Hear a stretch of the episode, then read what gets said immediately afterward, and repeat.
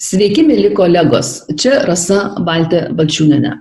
Šiandien verslo žmonių refleksijose apie save ir užgimstantį pasaulį mes šnekučiuosimės su įmonių grupės Tegra bendrasavininku. Rinardą pažįstu daugiau negu dešimt metų ir matau, kaip įdomiai jis eksperimentuoja su savo organizacijomis, ieškodamas naujų kitokių veikimo būdų. Daugeliui anksčiau tai atrodė, kam to reikia dabar tampa aišku, kad tai, ką jis daro, tai kūrė naują tipo organizaciją, kurių ateityje bus daug ir tokios organizacijos turės vietą naujame pasaulyje. Tai labas, Rinardai, dar kartą. Labas, Rasa. Šiandien turbūt jau praėjo, kiek jau čia septynios karantino savaitės, kas su tavim atsitiko per tą laikmetį. Tiesą sakant, aš gal net nesupratau, kad tas karantinas kažkaip paveikė tą gyvenimą. Atrodo, kad visą laiką karantinė buvo. Nebuvo didelio poslinkio. Nu, išskyrus tai, kad rečiau į miestą išvažiuoju. Kartai savaitę užtenka išvažiuoti ir pasirodo pilnai to užtenka, nereikia dažniau. Gyvenu sodyboje, gamtoje, nereikia man šitos kaukės. nu, kažkaip labai nepajutau izolacijos, suvaržymų kažkokių savo kailių nepajutau. O kas vyksta pasaulyje, aišku, įdomu, tapo įdomu stebėti naujienas įvairias per įvairius, įvairius kanalus. Ir tas, tas bangas tokias daugmaž visi praėjo, tik tai vieni anksčiau, kiti vėliau.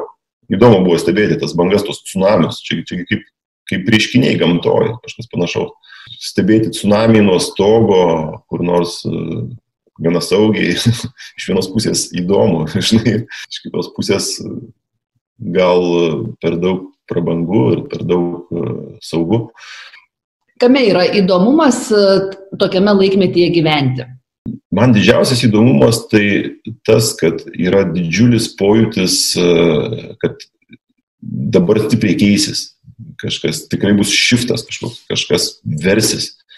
Ir jau tie tokie lyg ženklai, man atrodo, prasideda. Nu, toks pojūtis, kad sąmonė žmonių pradeda kažkaip suktis į kitą pusę. Mm, vis daugiau abejonių dėl tos vartojimo ekonomikos, kad, kad e, reikia vat, vartoti ir, ir dar daugiau vartoti. Žmonės per karantiną išmoko liktai ir aš pats išmokau daug mažiau vartoti. Man daug mažiau reikia, negu anksčiau reikėjo. Ir supratau, kad po karantino man nereikės tiek, kiek aš anksčiau vartodavau. Įskaitant keliones, ypatingai keliones, turizmas tas vadinamas, fu. Šitie dalykai labai labai taršus, man atrodo. Ir, ir, ir va, čia tas pojūtis, kad keičiasi daug kas. Ir, ir kad labai tikiuosi, kad ir pas daugą šitaip sukasi ta sąmonė. Mm, sukurs sąlygas kažkokiam naujam, naujai tvarkai. Pirmiausia, ta tvarka atsiras galvose pas kažką, galbūt atsiras kritinė masė žmonių, kurie galės įtakoti kažkokį naują mainstreamą ir, ir, ir kad tai padarys didelį įtaką e, gyvenimui po karantino. Kada karantinas baigsis, tai niekas nuspėti negali, čia kaip karas, jisai tęsis ir, ir galbūt po, po, po trijų mėnesių, galbūt po metų Bet e, kad tai turės įtaką didelę, tai nė, nėra bejonės. Žmonių mąstymui turės didelį įtaką ir elgesiu, aišku, savai. Tai beprotiškai įdomus laikotarpis, kurį mes čia gyvenam, tiesiog dovana, įsivaizduok, išgyvenom tarybinius laikus, kai matėm komunizmą, socializmą ir su visais, ten irgi, tengi buvo kaip, mes kaip inkubatoriui tokiam gyvenam, kur visiškai kitaip viskas ir iš tikrųjų daug tikrumo buvo to, daug nuoširdumo tokio buvo tuo metu. Nu, gerai atsimenu tos laikus paskui griuvo visą tai. Paskui tas kapitalizmas toksai laukinis visiškai, po to bandom į civilizuotą kapitalizmą įeiti. Ir štai, nu, to, tokia nuojauta, kad kapitalizmas griūva dabar. Nu, ta prasme, tos vertybės, kurios buvo, jos visiškai ne, ne, netenka jokių, jokio pagrindo, nebelieka ramščių, nebelieka ideologijos, kuri galėtų palaikyti visą tai. Ir, ir tiesiog akise yra, griūva ir vargu ar gali iš, išgelbėti kažkas tai tą visą senas tas struktūras. daugiau tu dabar matai tą tokį pokytį mąstysenoj pačioje. Paminėjai, kad keičiasi požiūris į vartojimą, daugiau tokio tikrumo, grinumo atsiranda. O kas dar keičiasi? Gali būti, labai tikiuosi ir, ir greičiausia taip yra, nu, nežinau, čia turbūt kiekvienas e, savo, savo turi matymą. Manau, kad keičiasi požiūris į pedagogiką, į, į, į mokymasi, mokymą, mokymasi. Akivaizdu, kad šitas, šitas etapas brėžia tokį ryškų brūkšnį tarp to, kas buvo ir kas bus. Ir tas skirtumas kame, kad e, ateityje, šitoj artimiausioje netgi ateityje, jau nekalbu apie 10 metų, nes pedagogikos ciklas yra ilgas, vaikai mokinasi po 10 metų mokyklą. Tai e, tos vertybės, tie principai, ant kurių statėsi ankstesnė mokykla ir tas tikslas turėti kažkokią tai išsilavinimą vadinamą ir sufokusuota į vieną kažkokią tai specialybę, vat šitą idėją, man atrodo, visiškai sunaikinta yra. Ir, ir senas mokyklos modelis yra nu, paneigtas totaliai. Todėl, kad naujam šitam pasauliui akivaizdu, kad reikės ne įgyti profesiją, turėti profesiją, o mokėti greitai persiorientuoti, būti lankščiam ir mokėti mokytis. Didžiausia kompetencija turbūt žmonių bus mok, išmokti mokykloje mokytis. Būti, galbūt būti žmogum išmokti, būti žmogum, ko nemokino anksčiau, nes toks jausmas, kad mokino būti rinkos dalyvių, vartotojų, nu, galbūt kažkas gamintojų, kažkas vartotojų, bet ir tuo ir tuo. Karalienės Mortos mokykla mokina būti generaliniais direktoriais, executive lygis, ar ne? O, o to, nu, to, to, to nebereikia. Reikia būti visai kit, kitų, adaptyvių, lankščių, mokančių klausytis, mokančių persiorientuoti. Ir jeigu dar prieš kelis mėnesius atrodė utopinės tos mintys, kad žmogus per, per gyvenimą pakeis septynės vidutiniškai profesijas, septynis kartus jis keisis. Tai dabar tas visiškai neutopiškai atrodo. Ir, ir labai tai realu kad dar daugiau gal kartų reiks pakeisti. Tu šiandien dirbi tuo, o rytoj jau tau reikės visai kito. Ir kaip, kaip tu greit persiorientuosi. Dažniausiai, kaip formuojasi visuomenės tendencija, jau dalis žmonių e, tą būsimąją tendenciją yra per savo gyvenimą pajauti ir praėję. Tai kiek tu, kaip va, tu jauti, kiek tu gyvenime jau esi pakeitęs profesijų, būdamas savo dabar amžiuje? trys pas mane tokios profesijos gana aiškiai.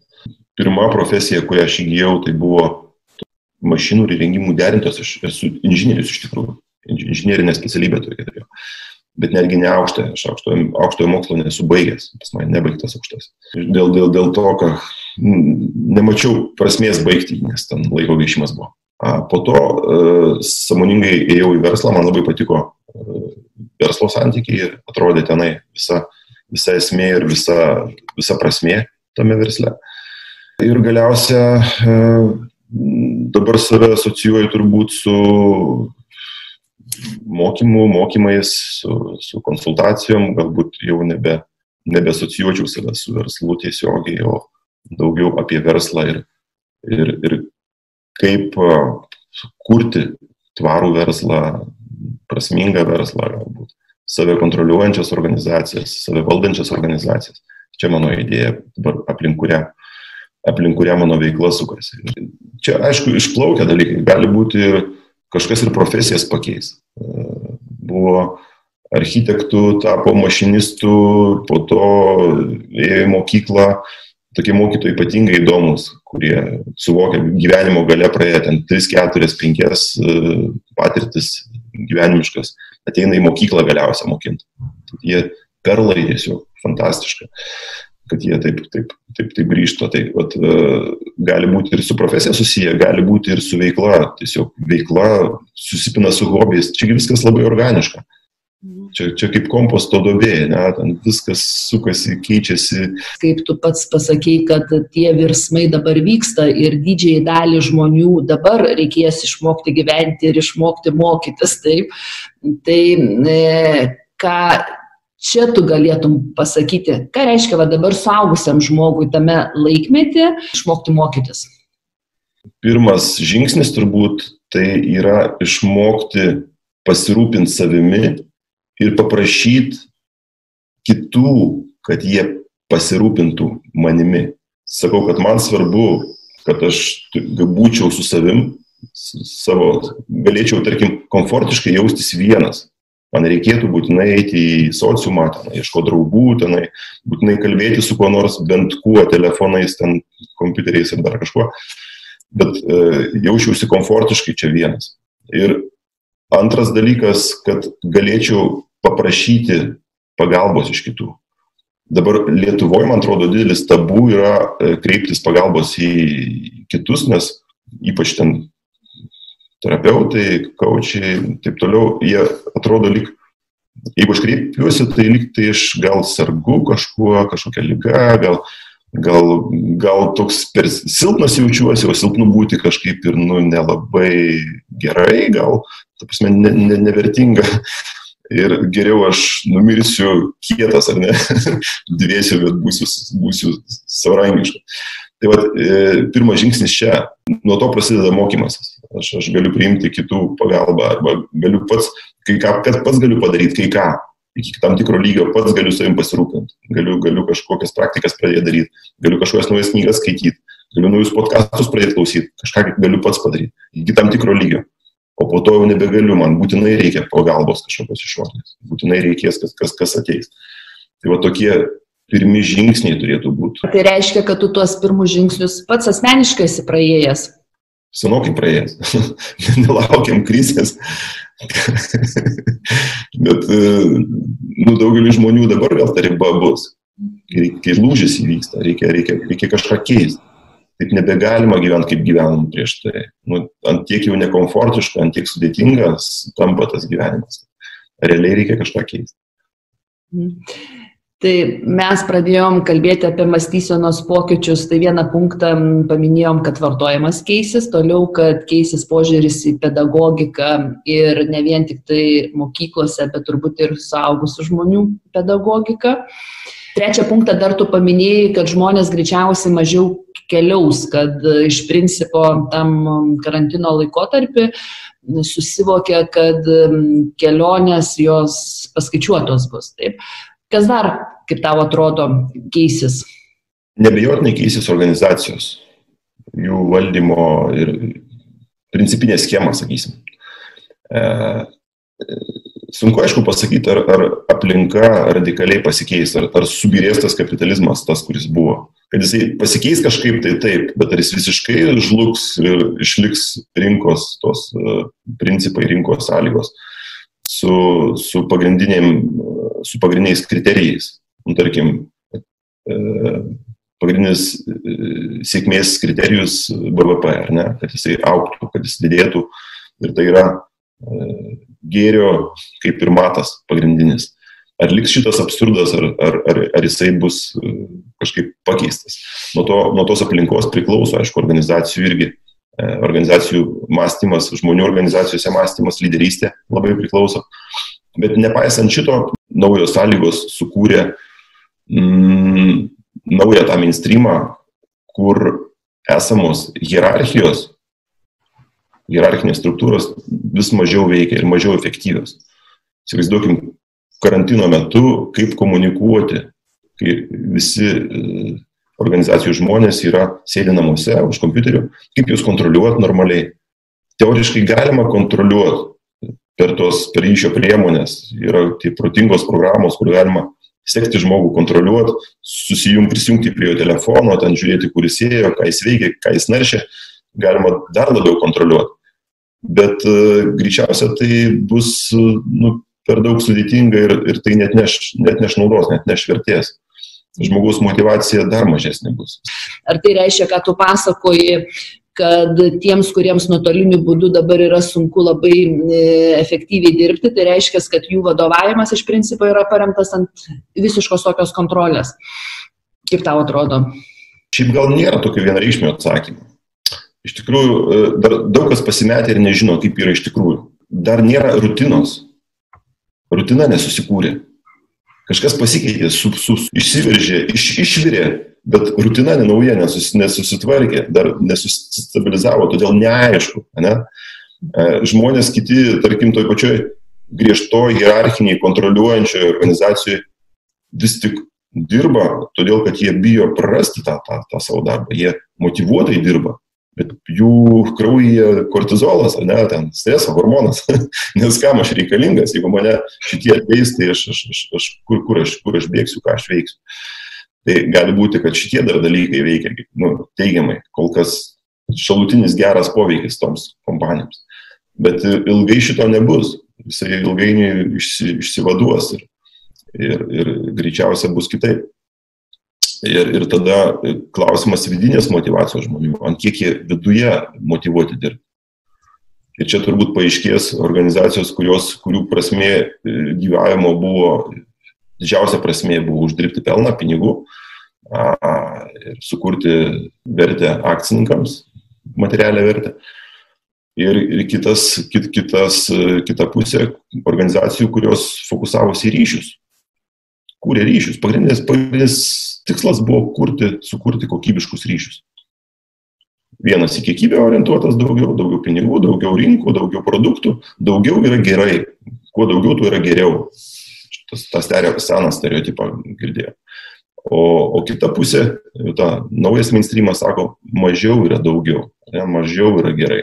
Svarbu, kas, koks produktas, koks tiekėjas, koks uh, pardavėjas galų gale. Daug pardavėjų nereiškia dideli pardavimai. Ir, ir tada visai kitas požiūris. Tada mes kūrėm kokybišką ryšį su darbuotojais, su klientais, su, su partneriais. Ir tokia organizacija, jinai nepalyginamai gyvybingesnė, ilgamžiškesnė. Ir vienas iš kriterijų, manau, kuris ateityje galbūt vis labiau įsitvirtins, tai yra ilgamžiškumas kompanijos kai aš klausau apie tai, kad svarbiau yra kurti ryšius negu, negu uždirbti pinigus, tai matyt šita situacija labai iliustruoja tai, kas šiandien su daugumas organizacijų atsitiko. Tos organizacijos, kurios mažai ryšių turėjo, joms tikrai yra labai sunku, nes karantino metu, krizės metu, mėgsti naujus ryšius yra nelaikas.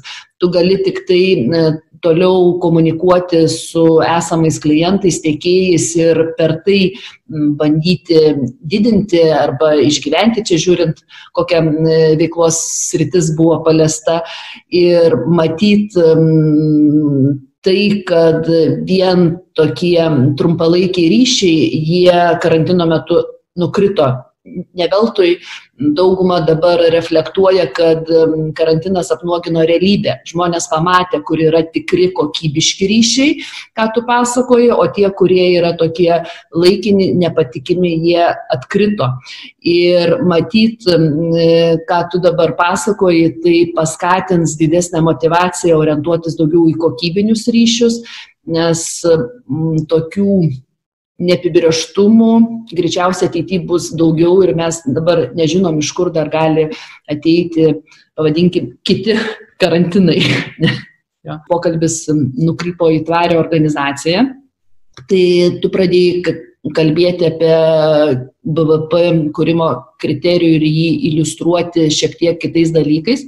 O koks gali būti kriterijus vietoj BVP matavimo? Arba gal ne vietoje, bet šalia papildantysis, kuris, kuris galėtų parodyti, kad e, valstybė organizacija yra orientuota į ilgamžiškumą. Nesvarbu, kokie, koks ateis dar vienas karantino laikotarpis, jinai sugebės atrasti savo vietą.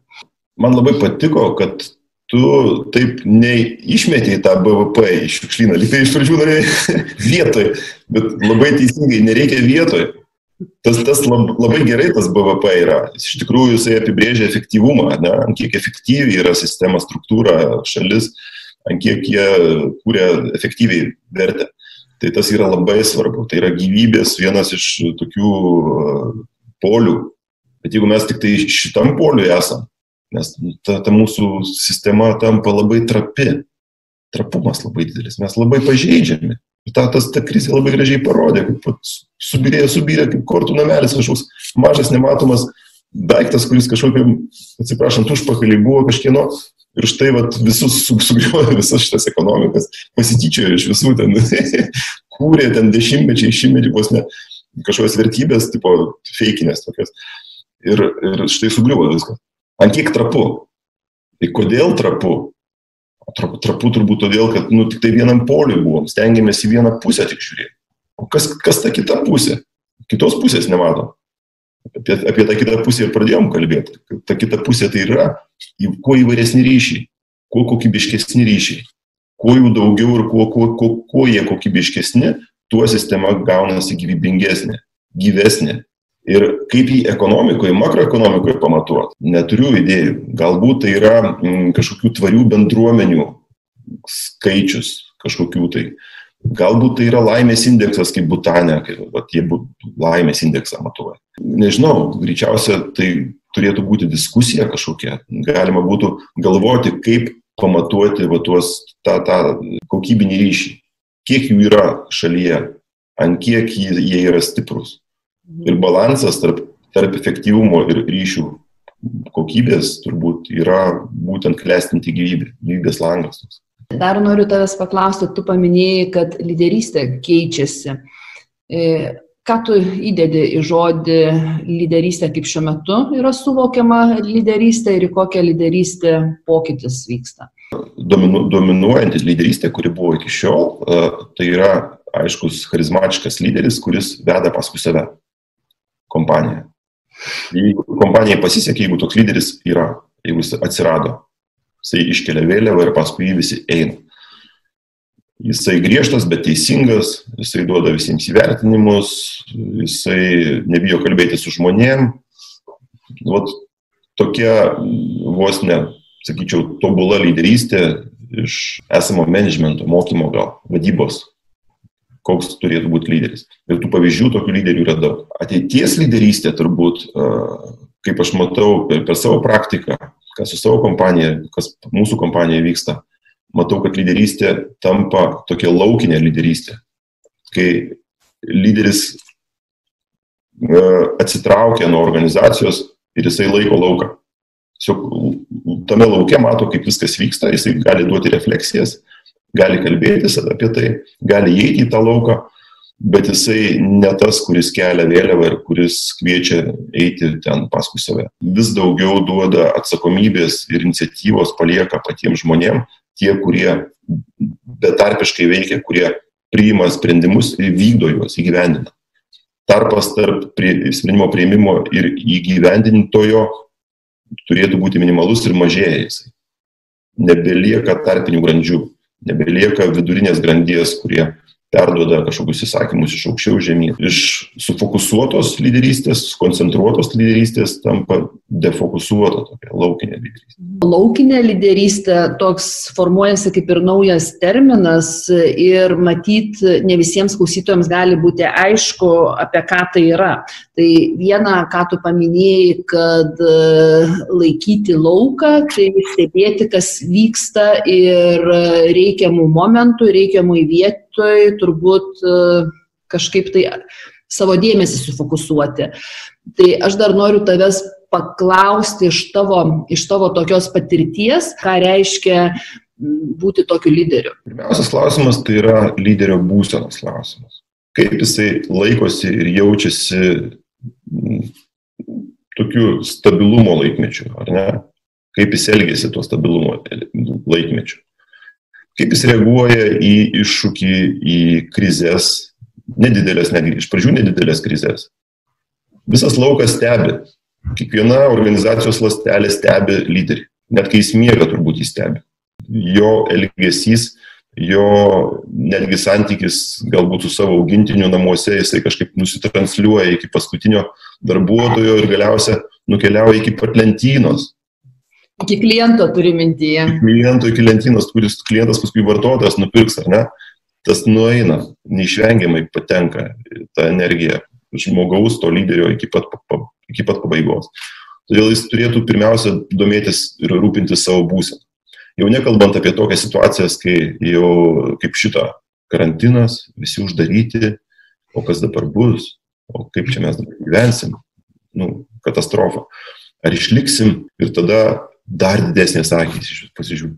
O ką ta? O dabar turbūt, nu dabar tai turbūt išsigando. Nu, nors kartą pamatysim, kaip jis deda į krūmus. Ir, ir, ir čia e, ypatingai svarbu ta visiška ramybė, absoliutus pasitikėjimas savim, absoliutus pasitikėjimas savo komandą. Dar daugiau įgaliojimų suteikti. Jeigu prieš tai buvo, tarkim, nu, tarkim riba komandai e, priimti sprendimus iki šimto tūkstančių, tarkim, jie galėjo tai padaryti tai suteikim galimybę milijoną priimti. Tu dar didesnius įgaliojimus turi. Ypatingai dabar. Prašme, visiškai atrodo iracionaliai veikia. Kai įsijungia šitas e, krizinis, e, kriziniai tie varikliai, reikėtų priešingai veikti. Ir man labai patiko e, vieno partnerio, kur dabar darom pokyčių projektą šiais metais, E, su viena kompanija, jos savininkas sako, Tegra turbūt, Tegra mūsų kompanija, sako, buvo, mm, kai visi buvo gopšus rinkoje stabilumo metu, Tegra buvo labai atsargi. Mes, kodėl atsargi? Mes gražinom visus kreditus bankams, nors jie labai pigus, mes neturim nei cento kreditų. Mes susimažinom darbuotojų skaičių, 25 procentai sumažėjo darbuotojų skaičius susimažinom 30 procentų tiekėjų ir eskijų, mažiau prekių, žymiai mažiau prekių tapo. Nu, atrodo, viskas nelogiška. Mes labai atsargus, kai visi gopšus. Visi tik, o, daugiau reikia, daugiau. O po to, kai atėjo krizė, jis sako, tada, kai visi atsargus, tai gali būti gopši. ir iš tikrųjų mes dabar jaučiamės labai puikiai su šitą kokybę, su šito mąstymu ir galim savo leisti tai, ko, ko, ko, ko kiti negali kai atkrenta dalyviai rinkos, atkrenta kažkas tai ir atkris artimiausių metų nebejojam, kad atsilaisvins didelės nišos, mes ramiai tas, tas nišas galėsim pasimti ir, ir, ir turėti naujus, naujus kažkokius tai naujas kryptis netgi gal, ne tik kad produktus. Kaip yra gera vidinė būsena, yra toks intuityvinis žinojimas ir racionalus, ko reikia daryti ir ko nereikia daryti. Ir matyt, šiandien nemažai, nemažai verslo kuriejų gali pasitikrinti, kiek jie yra iracionalūs gerąją prasme arba intuityvus gerąją prasme, nes tie, kurie padarė ten keturis, penkis metus ar ten porą metų atgal tam tikrus netikėtus žingsnius ir dabar jie mato, kad tai yra labai gerai, tai greičiausia tai reiškia, kad jų vidinė būsena yra yra gera, tinkama ir jie jaučia tos impulsus, kurie gimsta, gimsta iš vidaus. O tiems, kuriems šiandien griūva, griūva gyvenimas, nu, ta prasme, aš turime iš tikrųjų griūva veiklos, matyt, matyt, jie negirdi savęs ir jie veikia visiškai šabloniškai, visiškai stereotipiškai. Ir jiems dabar dar sunkiau yra atrasti tos e, naujus sprendimus. Tai aš noriu grįžti prie lauko lyderystės e, įvardinimo. Man patinka tas terminas, gal jis nėra visai aiškus, bet jis yra naujas, ta prasme, ir greičiausiai žodį laukas, tu įdedi žodį aplinka. Tik tai laukas gal jis labiau su erdvės pojūčiu, gal aplinka truputėlį tokia plokštesnė atrodo. Tai per ką reiškiasi lauko lyderystė, jeigu pratesti toliau tavo mintį? Kaip ir minėjau, bet kokia lyderystė reiškiasi per smulkmenas. Per mažus dalykėlius, kurie atrodo visiškai nereikšmingi, net ne apie verslą galbūt, net ne į temą. Pavyzdžiui, pas mus ofise mes vaikštom su, su, su, su tapkėm, basi, nėra, nėra ten batų, lengva apranga, visiškai laisva. Ir staiga ateina netikėtai bankininkas. Iškart visiems įdomu, kaip čia bus dabar, nes čia istorijos, kurias iš karto gyvos istorijos, kurios paskui Vilnyje per visur. Tai kas tų bankininkų darė, kurį pasodino. Variantų daug. Galima eiti į, pasodinti ant sėdmaišio, ar ne, specialiai pabandyti. Pažiūrėti, kaip jis ten reaguos. Galima prie oficialaus stalo, o laukas stebi, visą laiką žiūri, kas, kas vyksta, kokie, koks elgesys to, e, to lyderio, nes e, labai svarbu, kad koreliuotų ir, ir sutaptų tai, ką jis kalba ir ką jis daro. Jeigu jisai kalba vienus dalykus, vienas vertybės transliuoja, o, o elgesi kažkaip tai kitaip, kažkas, kažkas ne taip. Iš karto kyla kažkoks nepasitikėjimas ir, ir tas galbūt jau ilgai kurtas kažkoks tai pa, pamatas, pagrindas gali pradėti griūti aižiai. Tai vad ypatingai jautri sistema. Ja labai lengva sugriauti. Nes laukinė lyderystė labiau panaši, man atrodo, į tokį gyvą, į, į augalą. Jeigu ta tokia fokusuota lyderystė, kai mes kalbam, betono plokštė tokia, ne, arba, arba postamentas kažkoks, tai, tai čia daugiau stiebas gyvas, galbūt smilga kažkokia auganti, visai kitas, kitas pradas. Ant jo labai lengva, jį lengva sunaikinti, uždėti kažkokį tai bloką, bet, bet jis labai gyvybingas. Jisai per kurį, po kurio laiko vėl gali praaukti. Ir jis įdomus, jisai lankstus, jisai, jisai, kita kokybė, nu, aukštesnė kokybė. Laukas, aš, aš va, kažką, kažką galiu laikyti, ne? Aš galiu įsivaizduoti tą lauką, aš galiu įsivaizduoti erdvę tarp elementų to lauko. Mhm. Elementai, tai tie patys žmonės, aš pats esu elementas to, toj, toj, toj erdvėje. Ir ryšius tarp skirtingus įsivaizduoti tarp tų elementų, kaip jie veikia, kaip jie sąveikoja, kokia dinamika jų, ten, ten, ten emocijos, ten, ten įsitikinimai ir, ir nauji ryšiai besikūrintys, tiesiog lėktuvas kūrėsi beskrendant. Tengi daugybė, daugybė įvairiausių sąveikų vyksta.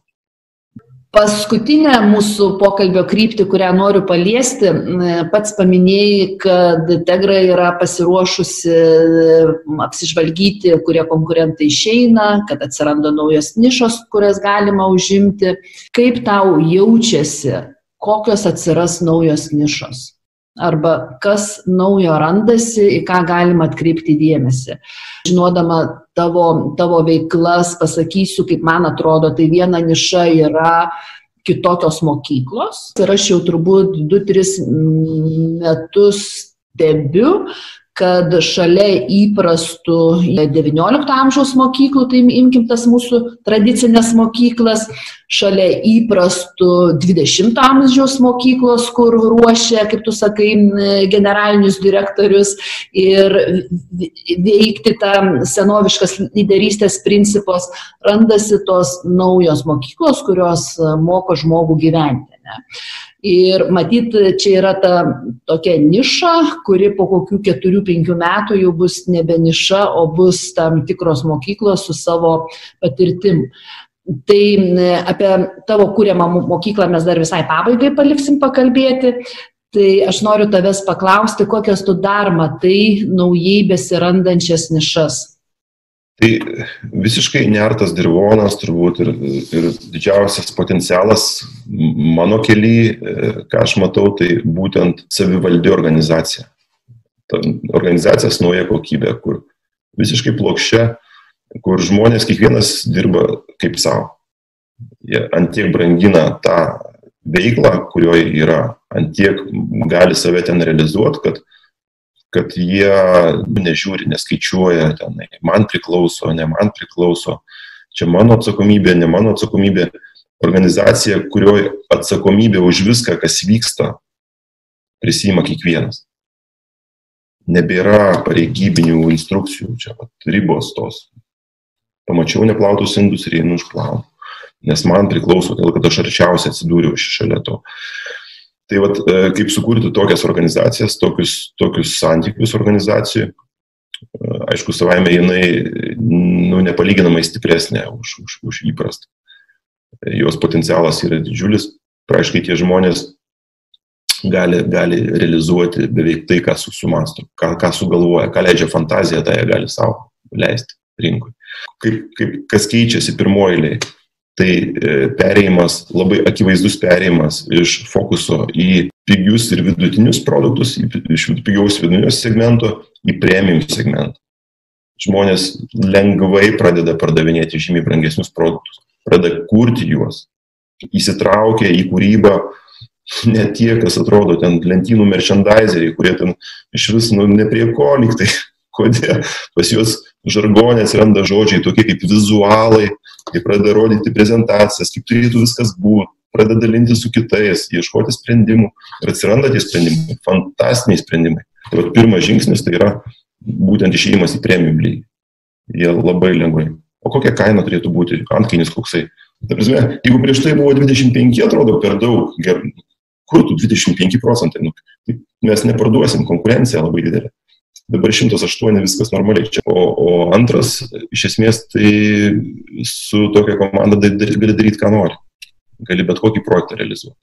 Tai aš iš tavęs išgirdau, kad dabar nišos, kurios formuosis, tai formuosis premium segmente, pavadinkime, ne? Ten žemiausiai kabantys obuoliai.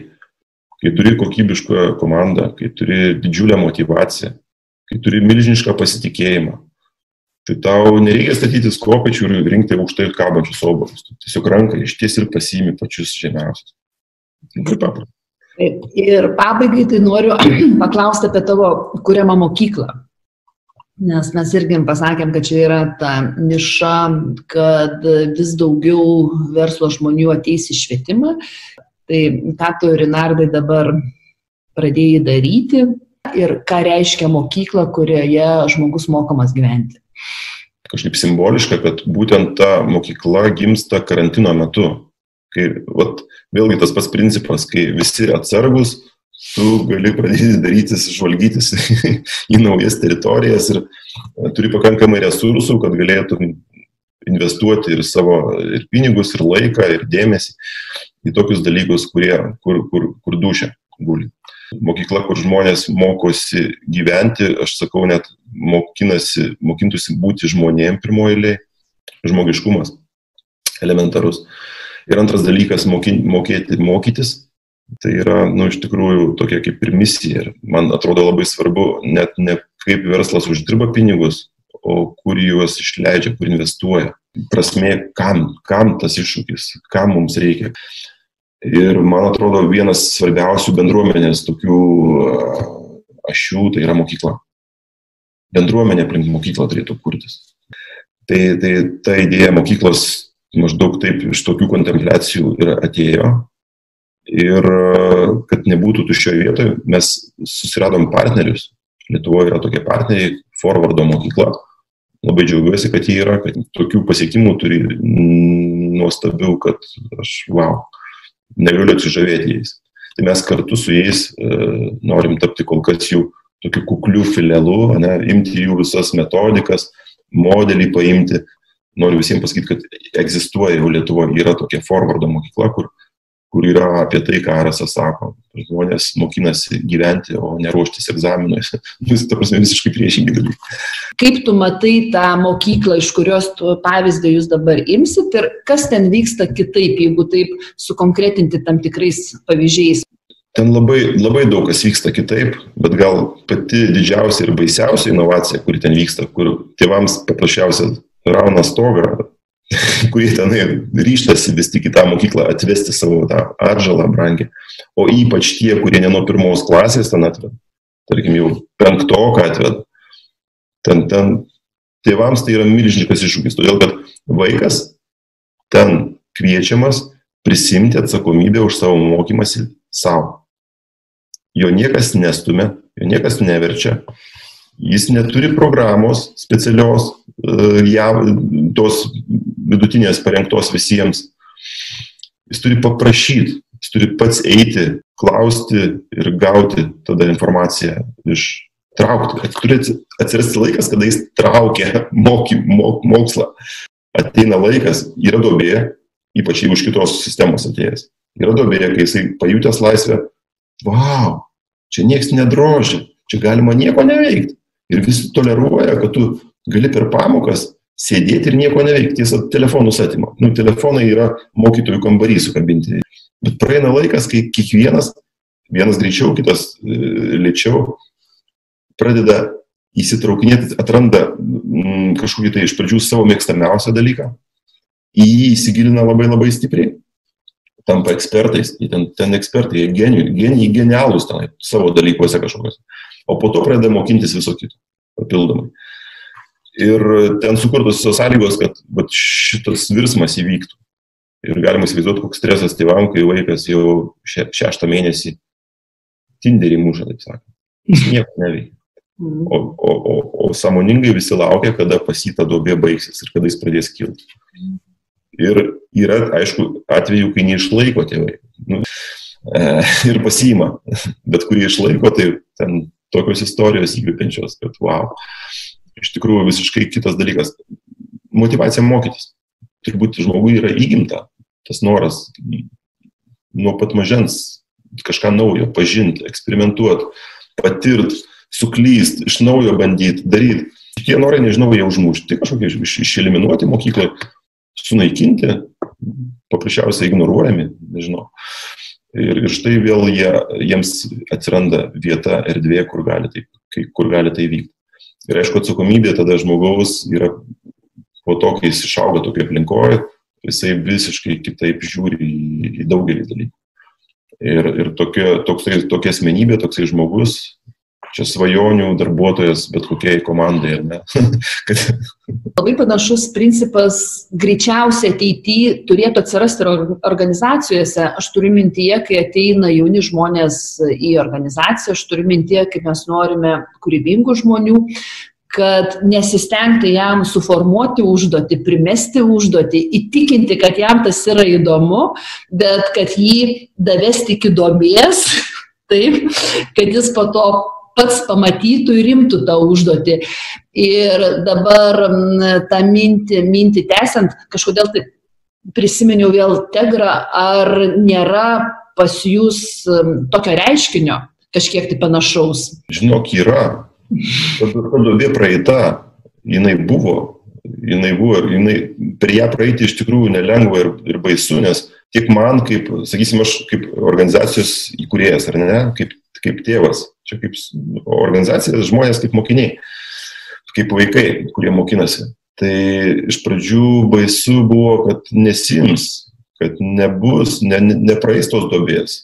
Bet intuicija savo, kad čia teisinga, taip turėtų būti turėtų žmonės imtis atsakomybės vis, vis daugiau ir daugiau jos prisimti. Svarbiausia suteikti galiojimus ir pasitikėti. Ne tada, kai klysta. Jeigu klysta, ką reiškia klysta? Tai mano kriterijais klysta. Iš tikrųjų gal jis visiškai neklysta. Tai čia būtina tą padaryti. Šitą mano nuomonę nesąmonę, kad tai įvyktų proveržis kažkoks.